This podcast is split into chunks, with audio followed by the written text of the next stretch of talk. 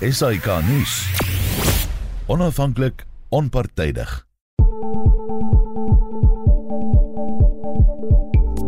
Goeienaand en baie welkom by Kommentaar. Ons gaste vanaand Roland Henwood van die Universiteit van Pretoria. Goeienaand Roland. Goeienaand Anita. Herman Pretorius van die Instituut vir Rasse Aangeleenthede. Goeienaand Herman. Goeienaand Anita. En dan Theo Venter, professor in praktyk by die College vir Besigheid aan die Universiteit van Johannesburg. Goeienaand Theo. Hallo Anita. Ons produksieregisseur vanaand Laal Petersen en my naam is Anita Visser. Roland, ek gooi die bal sommer dadelik in jou baan. Gee vir ons die hoofstories van die week. Vir die belangrikste stories Anita, sekerlik die aankondiging van die top 6 lys van nominasies vir die top 6 van die ANC se leiersverkiesing. Dan belangrike nuusgebeure die ehm um, groot storie van Janus Wallis se uh, parool en die ehm um, reaksie daarop. Dan was daar ook reaksie op misdaadstatistieke vir die kwartaal wat bekend gemaak is. Ehm um, die hele kwessie van ongedokumenteerdes in Suid-Afrika wat in die parlement ter sprake gekom het ook die kwessie van die mediese parol van meneer Zuma wat terugverwys is en dat korrektiewe dienste nou besluit daaroor moet neem. En dan natuurlik die president se besoek aan Londen en kyk mens kan nie dit uit die oog verloor nie. Dit is van die belangrikste stories van die week. Absoluut nie. Ek wil begin by die ANC se ses top kandidaate bekend. Uh, Ramaphosa se presidentskap van die ANC word in Desember teen een ander kandidaat Willie Mkhize uitgedaag. Dirk Coetzee het vroeër in die week vir my 'n onderhoud gesê Mkhize is nie 'n faktor nie as mens net kyk wie het vir wie gestem, maar Janja Nubber het 'n uh, 'n ander siening van sake. Kom ons hoor gou wat hy die week vir my uh, kollegas te sê gehad het. Wat gebeur het is dat sy 'n brief geskryf het aan die nasionale uitvoerende komitee en die verkiesingskommissie van die ANC. Sy sê daar word geknoei met die nominasies vir die presidentskap van die ANC en sy sê sy kan dit bewys dat sy wel die 25% drempel gehaal het van nominasies. Ek dink wat ons gaan vind en wat mevrou Sesulu gaan vind is dat uh, daar 'n groot liegfaktor in die politiek is en dat mense wat vir haar gesê het hulle gaan vir haar stem nie vir haar gestem het nie. Wat dit ook vir ons wys is dat Lindiwe Sisulu haarself bo die proses stel. Sy sal haar party beskadig, sy sal hierdie land beskadig, sy sal die wet beskadig net solank dit haar eie belang dien. Nou wat mense oor die ANC se kongres moet verstaan is dat dit meer 'n omkopery as 'n politieke kongres is en dit beteken maar net as Dr. Mkhize hulle genoeg geld het, dan sal hulle definitief 'n poging aanwend om die mense te oortuig om vir hom te stem eerder as vir meneer Ramaphosa. Soos dinge staan, moet 'n mens sê dat meneer Ramaphosa baie sterk kans het om te wen. Kom ons begin by jou Theo, kommentaar op wat Jan Jan Joubert te sê gehad het. Ja, ek is nie heeltemal so sinies soos Jan Jan oor die ANC se prosesse nie. Behalwe dat uh, Lindiwe Sisulu sowel as Didi Mabuza wat ook nou gekla het omdat hy op die lys is, lyk my 'n ander boek lees as wat ek lees want hulle praat van 25%. Die die hekkie waaroor jy moet kom wanneer takke jou nomineer is 15%. Dis wanneer jy genomineer word van die vloer af wanneer dit 25% is. So ek verstaan nie eintlik wat hulle wat waar hulle aan hierdie syfer kom nie. Die tweede ding is ek het so 'n bietjie na die na die takke gaan kyk en die die statistiek wat ons gekry het vergelyk met die takke in die verskillende provinsies en dit was vir my moeilik om die 15% te te te bevestig wat um, die ANC se voorskrifte is. Dis nou wel so dat hulle nie 4200 takke gebruik het as die groot totaal nie, maar net 2900 want dit is al wat suksesvol geregistreer het vir die provinsie. Maar veral as jy by die tesourier generaal kom waar 1400 het en dan 1438, as jy na daai syfers begin kyk, dan lyk dit tog asof daar maar 'n klein bietjie ehm um, innoverend met die syfers omgegaan is, maar in breë trekke dink ek beide ehm um, Lindiwe Sisulu en Didi Mabuza um, gaan nou baie klaar, maar ek dink uh, die boot is vir hulle verby en dat ehm um, die enige sekere tradisies wat mense nie moet vergeet nie. Een daarvan is tradisioneel met die uitsluiting van uh, Nelson Mandela. Hou hulle daarvan om aan 'n president twee termyne te gee. Hulle het Mbeki twee gegee, hy wou 3 hê hulle het dit nie vir hom gegee nie. Hulle het vir Jacob Zuma al het hulle geweet van sy swakhede het hom wel 'n tweede termyn gegee. So die ANC se tradisie om 'n sittende president 'n tweede termyn te gee is verskriklik sterk. En uh, dit is hoekom ek dink ehm um, Ramaphosa is uiteindelik nie teenstand nie en daar wil ek met Dirk saamstem. Kiese speel nie 'n groot rol nie. Geld speel 'n rol, maar ek dink nie ehm um, dit oortref die tradisie nie. Vir die res is die interessantheid as 'n mens na die syfers kyk dat Ramaphosa kan dalk met 'n top 6 eindig waarvan die meerderheid dan oor 'n 4 van 6 ehm uh, moontlik ehm um, hom ter wille kan wees en dat hy nie weer eindig soos in Nasrek 2017 waar die ehm um, top 6 eintlik totaal verdeel was. Herman, kom ons hoor van jou. Ek moet sê een van die groot teleurstellings wat uh, wat ek hierdie keer ervaar het teenoor 2017 was ou arme David Mabuza wat hierdie keer eintlik 'n bietjie van 'n non-faktor is. Dit is Ons moet onthou in 2017 het die kat soos sy bynaam loop 'n ongelooflike fyn spel gespeel met die Mpumalanga delegasie wat hy 'n uh, uh, uh, oormatige impak kon gee in die oploop tot die konferensie uh, en toe op die ou einde het hy homself die adjunkt presidentskap uh laat wen. En ek het gedink my maggies ek hierdie mense dink nog nie baie van hierdie ou se moraliteit of politiek of ideologie nie, maar sy strategiese en taktiese insigte is duidelik nogals iets om mee te reken. En hierdie keer is meneer Mabuza ongelukkig 'n totale non-faktor. En dit dit dit is amper asof ons hierdie keer kyk na 'n top 6 'n uh, kortlys van jy weet mense wat regtig nou nie die 'n uh, uh, naam gemaak het in Suid-Afrikaanse politiek wat mense tradisioneel met die uh, ANC topleierskap sou assosieer minstens in politieke gewigtigheid nie. Jy het jou karakter soos Mashatile wat 'n waardige poging aan uh, um, aan die gang het om om adjunkt president te word. Maar dan kyk mense ook na die feit dat 'n uh, ANC wat werklik 'n toekomsvisie sou gehad het, sou 'n baie meer kompeterende adjunk uh, verkiesingskap daarso gehad het met Ronald Lamola as regtig een van die meer bekwame kabinetsministers en ons sal dalk 'n bietjie later meer oor hom praat as ons kom by die Zuma parol saak. Maar die algehele indruk wat ek dink mense ook hierso kry, is dat hierdie is 'n presidentskap wat niemand regtig op hierdie stadium wil hê nie. Want ons moet onthou die ANC is in 'n baie swak posisie. Hulle is amper verseker daarvan om onder 50% te kry in die 2024 verkiesings, so ongeveer 530 dae van vandag af. En mens moet amper dink dat klomp van die kandidate wat wel die presidentskap sou dalk wil hê in hulle ambisies iewers in hulle loopbane, wil nie nou die party oorneem en dan sit met 'n verkiesingsnederlaag in 2024 nie. Ek vermoed meneer Mashatile is besig om die slimste spel hierso te speel om kort na sy uh verkiesing tot die adjunkt presidentskap te bestyg na die presidentskap uh as meneer Ramaphosa dan die amp opsê na 'n nederlaag in 2024. Daar's iewers 'n fout met iemand se foon wat vreeslik geraas maak. Skakel asseblief ander elektroniese goed af en dan daarmee gaan ek na jou toe. Roland, wil jy aansluit by wat Herman gesê het? Ja, ek dink uh, miskien 'n belangrike konteks hier is dat die ANC wat hierdie jaar in die verkiesingskongres ingaan, is 'n totale ander ANC as wat in die vorige verkiesingskonferensie ingegaan het. Ehm um, dis 'n baie meer verdeelde party nog. Die skade van staatskaping wat die party nie kan ontsnap nie, wys baie duidelik. En ek dink dit wys vir 'n mens ook in die die name van mense wat op die stadium as ernstige deelnemers aan hierdie verkiesing vir die top 6 ten minste gelys is. Saam met dit die die miskien 'n ander aspek, jy het nou verwys na die tradisies van die ANC, die rol wat geld moontlik kan speel. Maar daar's 'n derde faktor en dit is die een wat ons op die stadium nie weet nie. Dit is die onderhandelinge agter die skerms. En dit is wat Mabuza goed gedoen het in die vorige ronde. Dit is wat vir Ramaphosa die president gemaak het. Daar's nie nou 'n Mabuza faktor wat inkom nie. Dit lyk asof dit baie meer 'n groep mense is wat gemaklik agter Ramaphosa gaan inpas.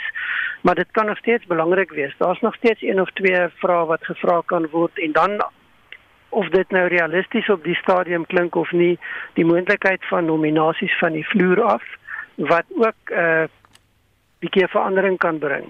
En ek dink dit is die konteks waar mens moet gaan kyk na wat is die die onderhandelinge wat agter die skerms plaasvind om hierdie proses te dryf. Ehm um, is dit 'n inspirerende klomp leiers? Dit ek dink nie daar's in die op die stadium in die ANC regtig meer 'n groep leiers wat so beskryf kan word nie. En dit is wat die uitdaging so groot maak, nie net na die konferensie toe nie, maar ook na 2024 se verkiesing toe. Ehm um, dan is daar natuurlik nog vrae wat ons nie weet nie. Hoeveel van hierdie mense gaan nog terugstaan? Wat gaan met die president self gebeur in die aanloop tot die verkiesing en dalk na die verkiesing rondom die vrae wat nog steeds gevra word oor Palapala? So daar's nog 'n hele klompie onbekende faktore wat 'n rol kan speel in hoe die party se verkieskongres gaan afloop en wie uiteindelik in watter plek gaan wees. Miskien net 'n laaste opmerking. Dis nog steeds verstommend as mens gaan kyk na die name dat van hierdie mense 'n benoeming kan kry en ernstig opgeneem kan word as ons gaan kyk na onder andere staatskaping die Zondo-verslag en die name wat genoem word. Maar maar ek laat dit daarby. Dit is ANC politiek wat 'n mens maar moet sien hoe dit gaan uitspeel. Kom ons Anita kan ek ja? miskien net twee goedjies iets wat Herman gesê het baie belangrik oor Didi Mabuza. Ehm um, as ek vir julle net die syfers kan gee. Hierdie jaar het um, Mpumalanga 390 afgevaardigdes na die kongres toe. In 2017 het hulle 736 gehad. So julle kan sien hoe Didi Mabuza geknoei het in 2017 en 'n groot deel van wat die ANC gedoen het van 2017 tot nou was om takke baie skerper te belyn en die registrasie van takke baie fyner te hanteer. En dan net die punt wat Roland gemaak het wat geweldig belangrik is. En dit word gedemonstreer deur Mpumalanga, ag deur Limpopo en deur Gauteng. Toe beide die provinsiale uitvoerende komitees van Gauteng en Limpopo verkies is, het hulle dadelik lysies bekend gemaak van wie hulle graag sou wil sien as die top 6 En as julle onthou, sal julle weet dat hulle die posisie van sekretaris-generaal leeggelos het. Mm. En ek het baie te dag gewonder hoekom sit hulle nie 'n naam daar nie. Wel, die antwoord weet ons nou. Hulle het met KwaZulu-Natal uh, geonderhandel en dit is hoekom die sekretaris-generaal van die ANC wil ek nou amper vir julle 'n brief gee gaan uh meneer Ntuli wees van die ehm um, van die van van KwaZulu-Natal nie Sekile Balula nie. Al is my wens dat hy eh uh, sekretaris-generaal moet word want dit gaan hom uit die kabinet uithaal en dit is in landsbelang. Maar dit gaan nou nie gebeur nie. So dis definitief uh, hulle daar's baie sterk onderhandelinge agter die skerms en die laaste punt waaroor daar onderhandel word is die ANC is bekend daarvoor dat hy eh uh, kompromieë aangaan en homself eintlik verlam daardeur. En een van die kompromieë wat die ANC nou met homself moet aangaan is, wat gaan hy doen as niemand van die RET groepering verkies word tot die top 6 nie. Hy kan dit eintlik nie toelaat nie. Mm. So iemand van hulle gaan daar moet wees en in alle waarskynlikheid is dit meer uh, Masina al het hy vir homself baie moeilikheid gemaak die laaste week of twee. Maar die verkiesing is beslis 'n verkiesing wat agter die skerms met groot gesprekke plaasvind eerder as wat dit net 'n geheime stemming is soos wat die meeste mense dink. Ek wil 'n laaste woord oor hierdie onderwerp gee aan Herman. Ah ja, met ja, ek wil net sê daai sirene wat julle voor gelê het, dit was ek jammer, dit was ons alarm hier by die huis ek. Ek dink dit is gevaarlik as mens oor die ANC konferensie begin praat dan van alle tipe dinge mal. Ehm um, selfs alarmstelsels. Nee, ek dink die die die werklike insig wat mense hier kan kry is hierdie is 'n ANC wat baie nader is aan 'n leë politieke potensiaal dink. As mens daaraan dink dat die topleierskap van uh, Mbeki af die Mflante, Zuma en nou Ramaphosa wat werklik van dieselfde generasie leiers en as iemand soos Paul Mofokile kan inkom en homself goed posisioneer vir die ANC leierskap na 2024 moet mens verstaan dat hierdie is 'n ander tipe ANC. Hierdie is nie 'n ANC wat meer regtig veel omgee oor die struggle nie. Hierdie is 'n ANC wat 'n baie duideliker patronaatskap uitlating en wêreldbeskouing het om seker te maak dat die organisasie bestaan deur toegang tot staatsfondse te bou. En mens moet ook onthou dat meneer Ramaphosa se populariteit het dramaties vir die afgelope 6 maande gedaal. Hy was 6 maande gelede was sy populariteit in die 60% hier rondom 65 68. Ek het nou gou na die nuutste peilings wat ek onder oë kon kry geloer. Syne sy uh, populariteit is nou skrapsie onder 50.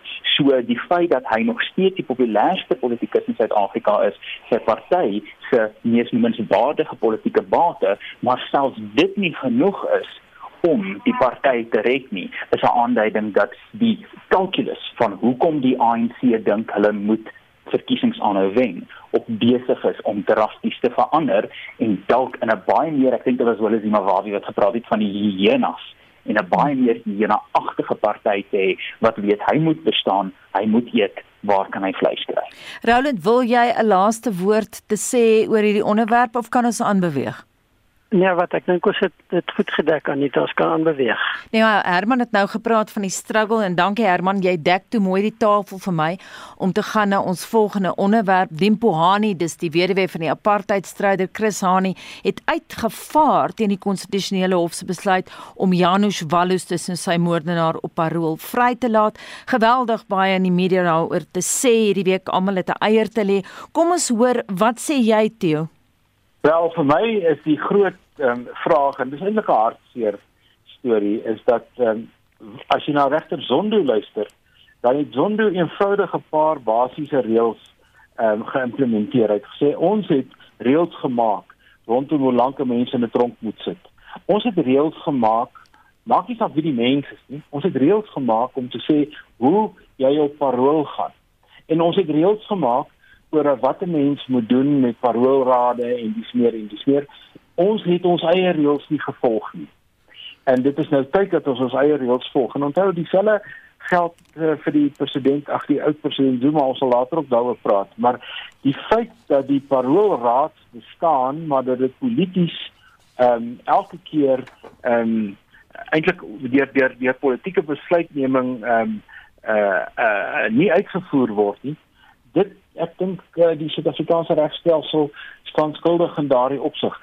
Uh, ek het geen spesiale gevoel vir Walus nie. Ek het ek dink wat hy gedoen het is natuurlik polities uh, onverskoonbaar, maar daar kom 'n tyd waar die land die reëls wat hy self gemaak het moet volg en eintlik moes Walus al lankal op parol gewees het. Ehm um, die uitsprake van van Hani se vrou verstaan mense op 'n emosionele manier maar uh, ek dink daar dan baie ander voorbeelde van van hoe mense oor tyd daarin hierdie skerp reaksie op veral die regstelsel en dis meer versag word en die ANC as party regerende party nogal behoort ook beter te weet as die soort uitsprake wat hulle gemaak het. Kom ons gee die bal vir Roland. Ja, ek wil met jou saamstem. Ek dink daar's 'n paar aspekte wat mens nou moet kyk. In die eerste plek Waarskynlik verstaan baie mense wat nie in die ANC konteks dink nie, nie heeltemal hoe groot persoon Chris Hani as leier was nie en hoekom daar so heftige reaksie is nie. Saam met dit die samesweringsteorie wat nog steeds baie dik loop rondom die ANC se betrokkeheid en ANC leiers soos Mbeki hmm. wat daarvan verdink word dat hulle betrokke was by hierdie hele sluipmoord poging en die reël daarvan. So daar's geweldige verdeeldheid en geweldige reaksie binne die ANC hierop. En en dit word bewys deur die feit dat minister op minister op minister wat 'n opdrag van die hof gekry het om hierdie saak te heroorweeg, doeteenvoudig geweier het om die parol toe te ken of of goed te keer nadat die paroolraad dit gedoen het. En nou dit by die konstitusionele hof geëindig wat eintlik baie belangrike interpretasie en reëls neerlê van wat in die toekoms sal geld feit van die saak is dis baie meer as net emosioneel dit sny in die wese van die ANC politiek en persoonlikhede en geskiedenis in en en en niemand in die ANC is bereid om daarvoor te staan en en daarvoor verantwoordelikheid te vat nie. En ek wil by Tieu ook verder aansluit. Dis nie net die party nie. Ek dink president Ramaphosa het hier 'n guldige geleentheid laat verbygaan weer eens om leierskap te wys. Sy eerste reaksie was nogal vir my skokkend geweest in die sin dat hy absoluut net 'n ANC interne standpunt inneem wat eintlik nie 'n standpunt is nie. Al wat hy sê is ek steun die party. Mm. Hy het nie as Suid-Afrikaanse president opgetree wat 'n bepaalde verantwoordelikheid teenoor die grondwet behoort te openbaar en veral meneer Ramaphosa behoort daarvoor sensitief te wees nie. En ek dink dis nogal skandalig. Ehm um, dat hy so ver gegaan het om te sê wat hy gesê het en nie sy rol in die hoed as die president van Suid-Afrika weer eens te kon opneem nie. Ehm um, en en dit is die tipe verpolitisering van die regbank en die grondwet en prosesse in partybelang wat Suid-Afrika op die lang duur baie duur te staan gaan kom. Herman Ek moet sê dit is uh president Ramaphosa is een van daai uh mense wat voldoen aan die aan die sterkste dat hy mis nooit 'n geleentheid om 'n geleentheid te mis nie. En wat ons hier sien is die sameloop van uh die die institusionaliserende wegkalwering van Suid-Afrika Suid-Afrika se grondwetlike bestel. Want ons moet verstaan dat die ANC is in baie opsigte belangriker vir sy eie leiers as die land. Meneer Ramaphosa het kort nadat hy president geword het, het hy genoem dat hy sy sy loyaliteit is teenoor die eenheid van die ANC. Uh, minister Sisulu het al openlik gesê dat die ANC is belangriker as die republiek. Hmm. En ons sien hierso tendens van ANC magsarrogansie van 'n grondwetlike bestel wat gerespekteer is sover as wat dit die ANC tot baat gestaan het. Hierdie is nie die eerste keer en dit sal waarskynlik ook nie die laaste keer wees waar die grondwetlike hof eenvoudig basis op 'n heerskappy van die reg beginsels neerlê en dan polities aangeval word nie. En ons moet ook onthou dat hierdie is dieselfde hof wat geskep is deur die grondwetlike bestel, maar wat ook deur uh, Bakabile Dlamini eenvoudig gedisrespekteer is ten opsigte van hoe sy as minister moes optree ten opsigte van die SASSA program. So ons het gesien onder Mbeki hoe die institusionele tande van die parlement getrek word. Die parlement het 'n sekondêre posisie tot die uitvoerende mag van die staat begin inneem. Die presidentsie, die Unie gebou, die kabinet het al hoe meer die besluitnemingsarena geword van beleid en die parlement en hier dalk mag mense dalk al al moet mense mense meer stuurlik die EFF 'n bietjie krediet gee dat hulle dalk 'n bietjie weer lewe in die parlementêre instansies ingesin het met hulle hulle kredies van payback the money.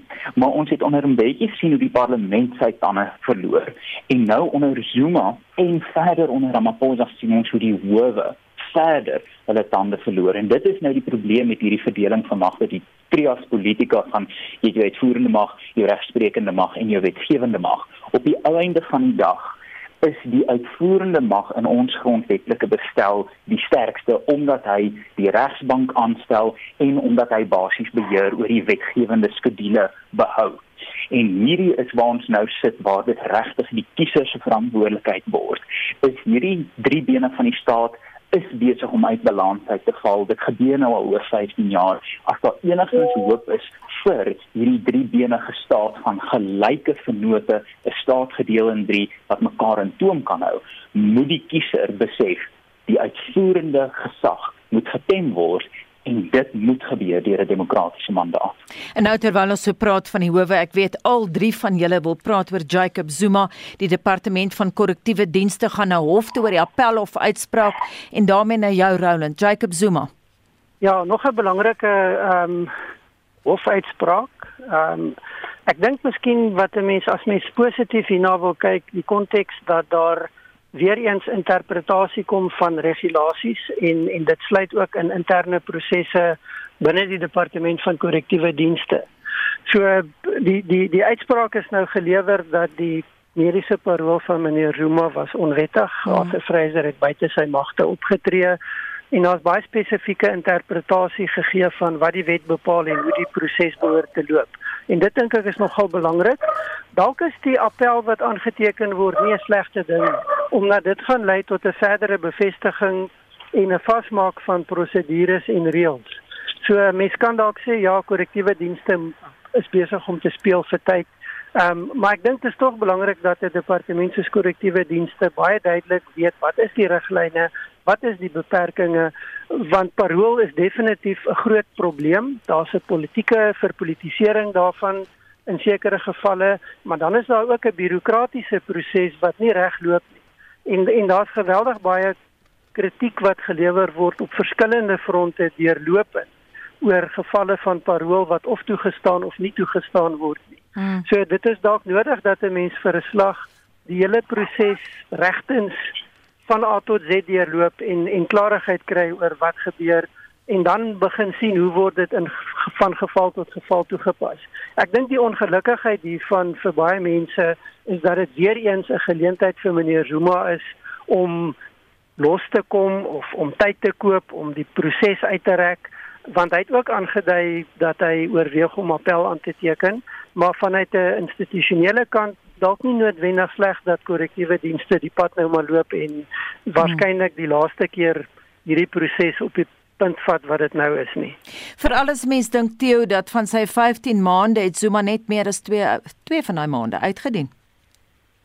Ja, die uitspraak is natuurlik vir my 'n teenstrydige uitspraak aan die een kant en aan die ander kant 'n bietjie uh, en ek neem nou vir my en vir Roland eintlik uh um, kwaliek 'n bietjie akademies van aard. Ehm um, Zuma gaan nie terug tronk toe nie. Ek dink 'n mens moet daai punt by voorbaat maak. Wat gebeur het is dat die uh, direkteur-generaal van gevangenisdiens die vermoë gehad het om die paroolraad te te sy stap. Dit is 'n vermoë wat hy tegnies gekry het uit ou apartheidswetgewing wat nooit aangepas is nie. Want ons weet in die ou bedeling was die paroolraad ook maar 'n bietjie uh van 'n van 'n um uh 'n show gewees. Hmm. So die die uh, appel wat daar staan met Roland saam, sit dat daar appel kom na die hoogste hof finale reëlings gee.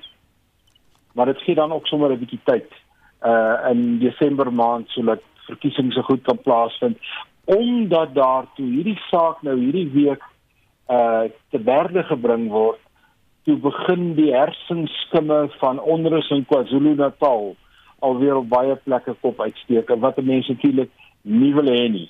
Maar ek uh, ek stem saam. Neem dit op appel en kry die posisie van die direkteur-generaal relatief tot die paroolraad duidelik Ehm um, 'n saak soos Oscar Pistorius, dis ook hier besprake. Dit is nie so polities nie, maar hierdie hoë vlak gevangenes uitsprake ehm um, oor die pa laaste paar jaar was baie omstrede.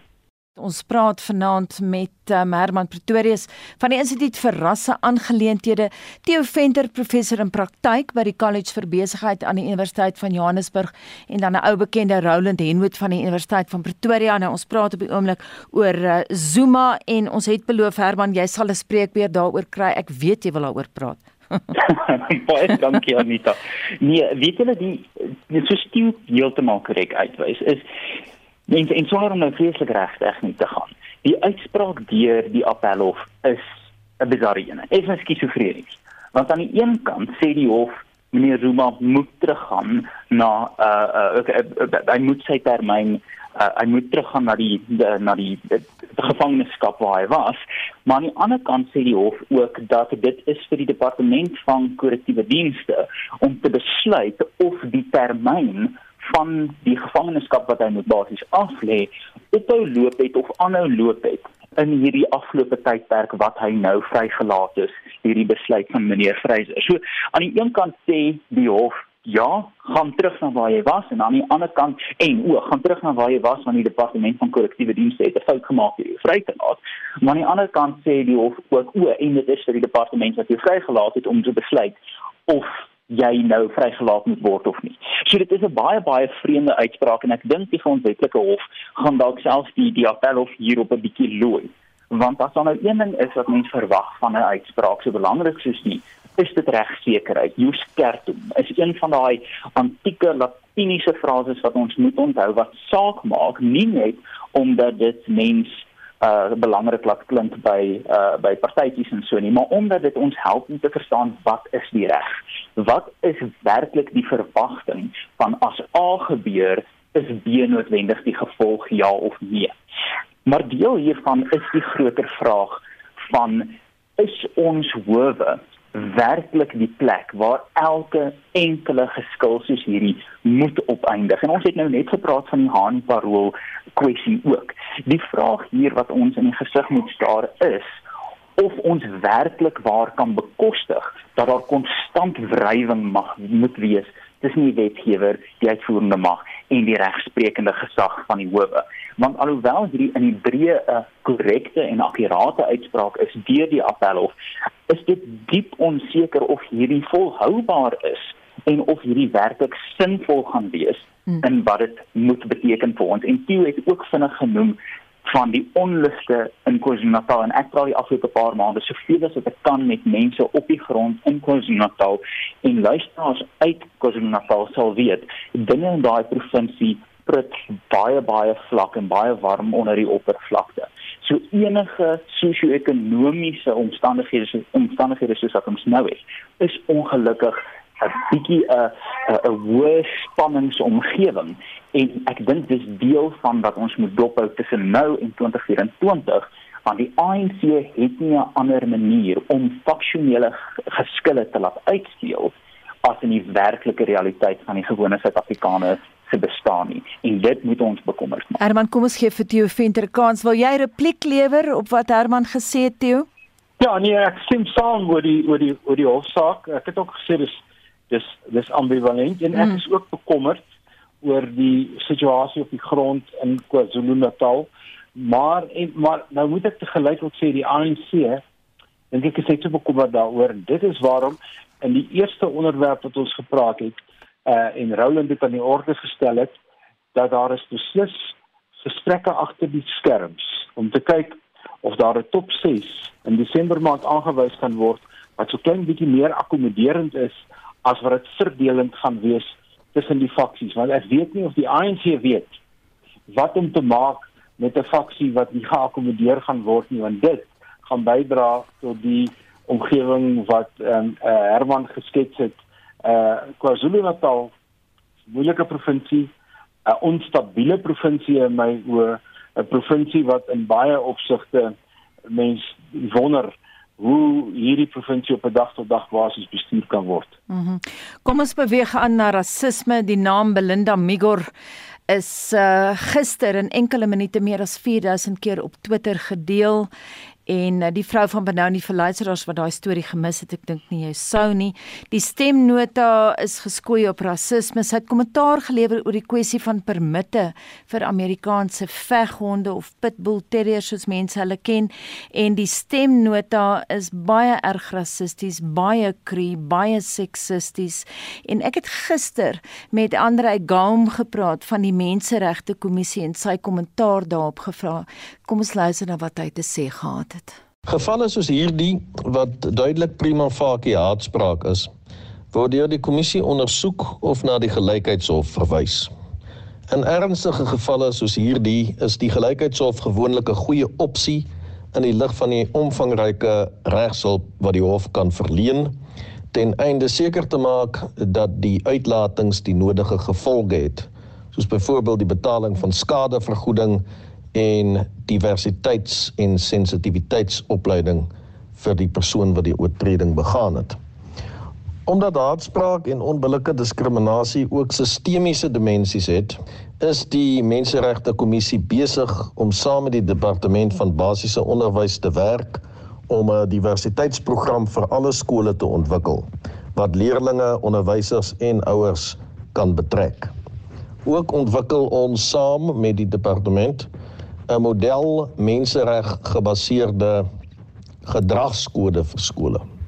Ja, aan die woord daar Andre Gam van die Menseregte Kommissie en ek wil hiermee eh, die bal in jou baan plaas Herman Pretorius van die Instituut vir Rasse aangeleenthede. Die vrou blameer haar rassistiese uitbarsting op haar laas suikervlakke. Kommentaar van jou kant af.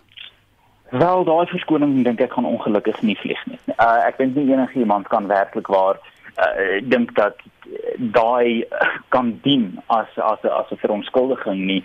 Dit kan dalk mense oordeel natuurlik beïnvloed en ek kry mense intens jammer wat sukkel met diabetes. Ek self nie van mense nie en so aan. Maar wat sy gesê het is onverskoonbaar. Dit gesê, moet ons konteks hierso bou. En dit is waar die die ERR ons het nou vir die afgelope 15 jaar elke jaar het ons 'n meningspeiling wat ons uitstuur in die veld om die uh gesindhede van verskillende Suid-Afrikaners en verskillende groepe uh te kan pols rakende rasisme en ek wil graag 'n bietjie van daai data deel. Mhm. Mm die vraag van het sedert 1994 rasseverhoudings beter geword, dieselfde gebly of slegter geword? Sê 51.4% van Suid-Afrikaners dit het beter geword. 20.1% van Suid-Afrikaners sê dit het dieselfde gebly en 28.1% Suid-Afrikaners sê dit het slegter geword. Mens kyk na die rasse uh, antwoorde en mens sien 57% van swart Suid-Afrikaners sê dit het beter geword terwyl 54% van wit Suid-Afrikaners sê dit het slegter geword. Dit is 'n oorhoofse goeie indikasie, die, maar dan kom ons by die interessanter, meer ek dink 'n uh, uh, nuttige vraag. Het u in die afgelope 5 jaar enige vorm van rasisme persoonlik ervaar? Mm -hmm. 40% nee, uh, 40% ja, 60% nee. Dan moet mens vra sal ongelykheid tussen rasse ooit oorkom kan word met die gebruik van beter opvoeding en werksgeleenthede. 76% van Suid-Afrikaners sê ja. Het die rasse mekaar nodig? 86% sê ja. So ons sien hierdie gevalle van rasisme en ons dink aan jy weet die Vicky Momberg gevalle en dan nog hierdie York vrou. En mens moet besef dat rasisme in Suid-Afrika is 'n intense ervaring vir die mense wat dit ervaar en met 'n nalatenskap van apartheid kan mens nie anders as om baie keer nog te sien hoe sosio-ekonomies die realiteit daarvan is dat dit spanning skep vir al wanneer dinge swaar gaan. Mm -hmm. Maar net omdat ons hierdie insidente het, moet ons nie skielik inkoop in die idee dat oorween geen vordering is gemaak of Suid-Afrikaners is net 'n prutpot van rassespanning nie. Waar rasisme werklik is, is dit toksies en gevaarlik. Maar ek moet sê en ek dink meeste Suid-Afrikaners sal in hulle anekdotale ervaring van dag tot dag my kan ondersteun hierin dat Suid-Afrikaners het 'n verdraagsaamheid en 'n versoenigheid wat saamleef en hierdie gevalle wat nie stories word mm. is juis nuttig omdat hulle uitskieters is en dis nuuswaardig is en ek dink dit is absoluut belangrik dat ons daai in uh, in perspektief hou.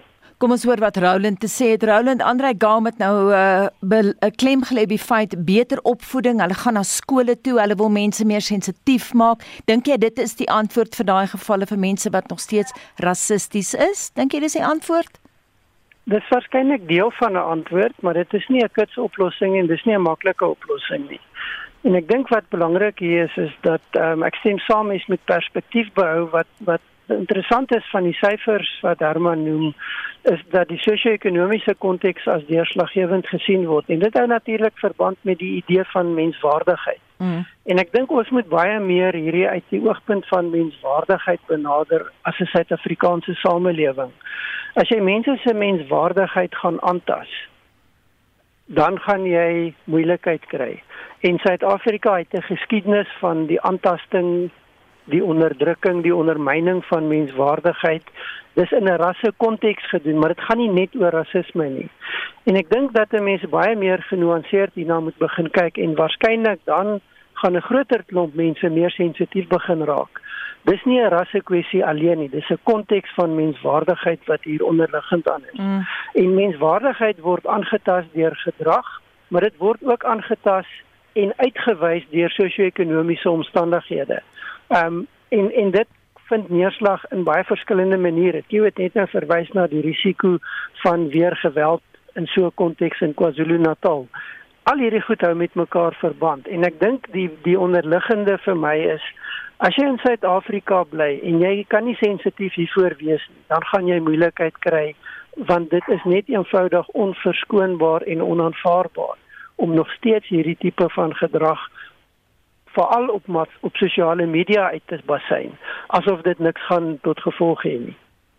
Theo Wel, laat ek een of twee ander goed in die in die in die in die prentjie ingooi. Ek stem breedweg met my kollegas hier saam, maar ons moet ook ehm um, onthou daar was 'n voorval 'n week of 3 gelede in Vishoek wat wys opleiding is 'n goeie ding, maar dit is hoogs sensitief en dit moet baie professioneel gedoen word. Ehm um, ek is 'n groot voorstander daarvan, maar uh, dit vra vir 'n klomp volwassenheid en 'n klomp voorbereiding.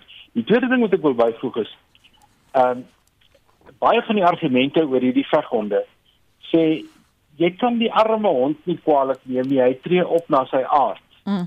Maar jy kan sy hanteerder, jy kan sy eienaar oplei. En ek dink daar lê 'n groot deel van die waarheid en en dan wil ek sommer byvoeg as mens die eienaar moet oplei om 'n hond uh oordentlik in 'n samelewing te kan bestuur, dink ek uh, ek wonder of ons nie mense ook moet keur en oplei voor hulle op sosiale media gaan. Ehm um, dit is mos nou eenvoudig moeilikheid soek as jy sulke sulke dinge doen, maar dalk help Elon Musk ons uit en maak hy Twitter toe voor dit meer skade doen. ja, ons praat juis hierdie week oor die hele Twitter dilemma. Net vinnig 'n laaste woord uh, aan jou Herman want ek het gehou van die konteks wat jy geskep het oor dat jy sê hierdie soort van voorvalle is juis nie waardig want dit is al hoe meer uitsonderlik. Miskien nog 'n laaste woord daaroor en dan wil ek aanbeweeg na Cyril se besoek aan Londen. Ja, nee, ek dink uh, een van my gunsteling statistieke wat ek ook wil bysit in Suid-Afrika is 'n sportnasie grootendeels en ons het vir mense gevra dink jy Suid-Afrikaanse sportspanne moet op meriete alleen gekies word of volgens rassekwotas 92.7% van Suid-Afrikaners het gesê op meriete alleen. Ek dink Suid-Afrikaners is baie meer redelik en rasioneel as wat ons politieke nalatenskap ons eintlik behoort te hê. As mens wêreldwyd gaan kyk na sosio-ekonomiese spanningsfaktore en die verhouding daarmee met rassespanning is Suid-Afrika 'n werklik 'n land van stabiele rasseverhoudings. Dit gesê, ons moet versigtig wees om nie te dink dat waardes gesentraliseer oorgedra kan word nie. Hoe jy ander mense identifiseer is soos jy gesê het en Roland gesê het 'n kwessie van menswaardigheid. En ek dink die vraag daarso is wat is ons kerke besig om te doen rakende rasisme? Wat is ons skole en wanneer ek praat van skole bedoel, ek nie rasseopleiding nie. Een ding van my generasie waar ek nogal vasseer is Anita, is dat dit was nie vir my verpligtend gemaak om 'n swart Afrika taal van graad 1 tot graad 12 te leer nie. En dit voel vir my soos 'n enorme miste geleentheid, gemiste geleentheid. Ek sê bitterselde staat doen iets hierso aktief, maar ek dink as ons die die grense van linguistiek kan oorskry, kan ons verragtig 'n insig hê en 'n verdraagsaamheid verder kweek op die geilteelaarde van die welwillendheid van Suid-Afrikaners en as ons wil kyk na beleid is iets so staal werklik waar ek dink iets wat belovend hmm. kan wys dit oorbrug. Maar dis 'n debat vir 'n ander tyd. Ek wil nou aanbeweeg na Cyril in Londen en ek moet vir julle my gaste asseblief die volgende lees van Quentin Letts wat in the Times of in the Times die volgende geskryf het. Dis uitstekend geskryf, net 'n Brit kan so skryf dink ek. Die, die soort van ironie onderliggend, die die humor, die snydendheid. Hy skryf visiting heads of state are usually subtler about asking for money, but Cyril Ramaphosa, president President of South Africa was quick to business when he addressed the joint houses of parliament. Ramaphosa, not one of life's charmers, demanded that Britain cough up for historical industrial emissions. South Africa wanted compensation for harm done and harm yet to be done. Get out your checkbooks. Actually, from what one hears about Ramaphosa, folding stuff might be preferable, wat ek gedink het reg Britse soort van humor is. en dan, ek het geweet jy gaan nie van hou toe En dan die laaste skryf hy as the parliamentarians dispersed a sketch writing colleague heard a couple of peers mutter what a dreadful fellow that may be unfair but Ramaphosa certainly misread the room. Ek weet nie wat se gelei daar is Nikolai herhaal. That might be unfair but Ramaphosa misread the room. Theo ek weet jy wil kommentaar hierop lewer Ja kyk dit is 'n baie belangrike besoek direk van Bali af uh Engeland toe met al die ehm uh, uh die seremonie en alles wat die Britte kan dien ehm um, saam met Charles die 3de. Wonder wanneer gaan ons hom Karel die 3de noem want dis soos die geskiedenisboeke na die vorige Charles verwys 1 en 2. Maar ehm um, ek dink hy die hy die regte goed gedoen. Hy pas in die prentjie. Ehm um, maar uh, wat sy besoek 'n bietjie in in die in in die, in die in die in 'n dilemma geplaas het was natuurlik die intensiteit weer eens van beurtkrag en dat Eskom sonder diesel sit terwyl hy in Londen sit en die oppositiepartye het dit nogal baie goed uitgebuit maar mm. ek dink in beginsel het um, Ramaphosa 'n punt beet met betrekking tot die Britte. Um, ons sit vandag met 'n met 'n met 'n energiemonopolie van meer as 100 jaar oud Eskom met steenkool van amper 120 jaar ehm um, wat die goedkoopste bron van energie was en in baie opsigte nog steeds is en wat in 'n groot mate deur ons koloniale koloniale heersers verder benut en uitgebuit is en dit was die groot argument by COP27 en dit het ook by Bali in die laaste week of wat na vore getree waar minder gegoede lande in Suid-Afrika val nou in daai prentjie sê maar kyk julle dra tog 'n sekere verantwoordelikheid ten opsigte van waar ons onsself nou bevind. Dis 'n bietjie anders as om bakkant te staan en te wag vir geld. Dis eerder 'n geval van langtermyn ondersteuning teen 'n baie lae rentekoers wat 'n baie meer konstruktiewe benadering is as om net bakkant te staan want die bakkant staan storie in die wêreldpolitiek um, kom nie met goeie gevolge nie. Roland, wat dink jy van die dreadful fellow? Hy het natuurlik sy kritisie aangevat, die land se politici deur om te sê I was just doing my job, nee, Roland. Ja, dit is so en dan dink ek daar's nog 'n ander konteks. Ek wil aansluit by Theo. Ehm um, ons moet baie versigtig wees vir die hoëvaardigheid van die Britte, veral as dit kom by hulle koloniale geskiedenis onder andere in plekke soos Suid-Afrika.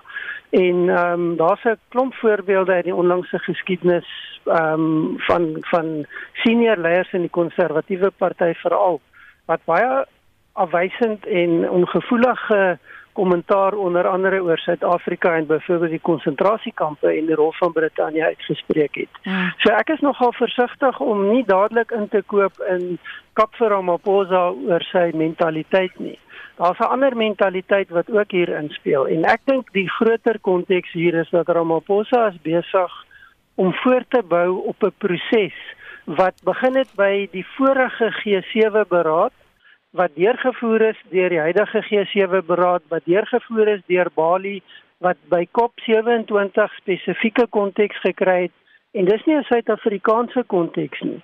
Dis 'n Afrika konteks, dis 'n suidelike halfrond konteks, die sogenaamde suide teenoor die noorde. Mm -hmm. En hy's besig om 'n rol te speel wat baie groter mm. is as 'n Suid-Afrikaanse bakkant mentaliteit.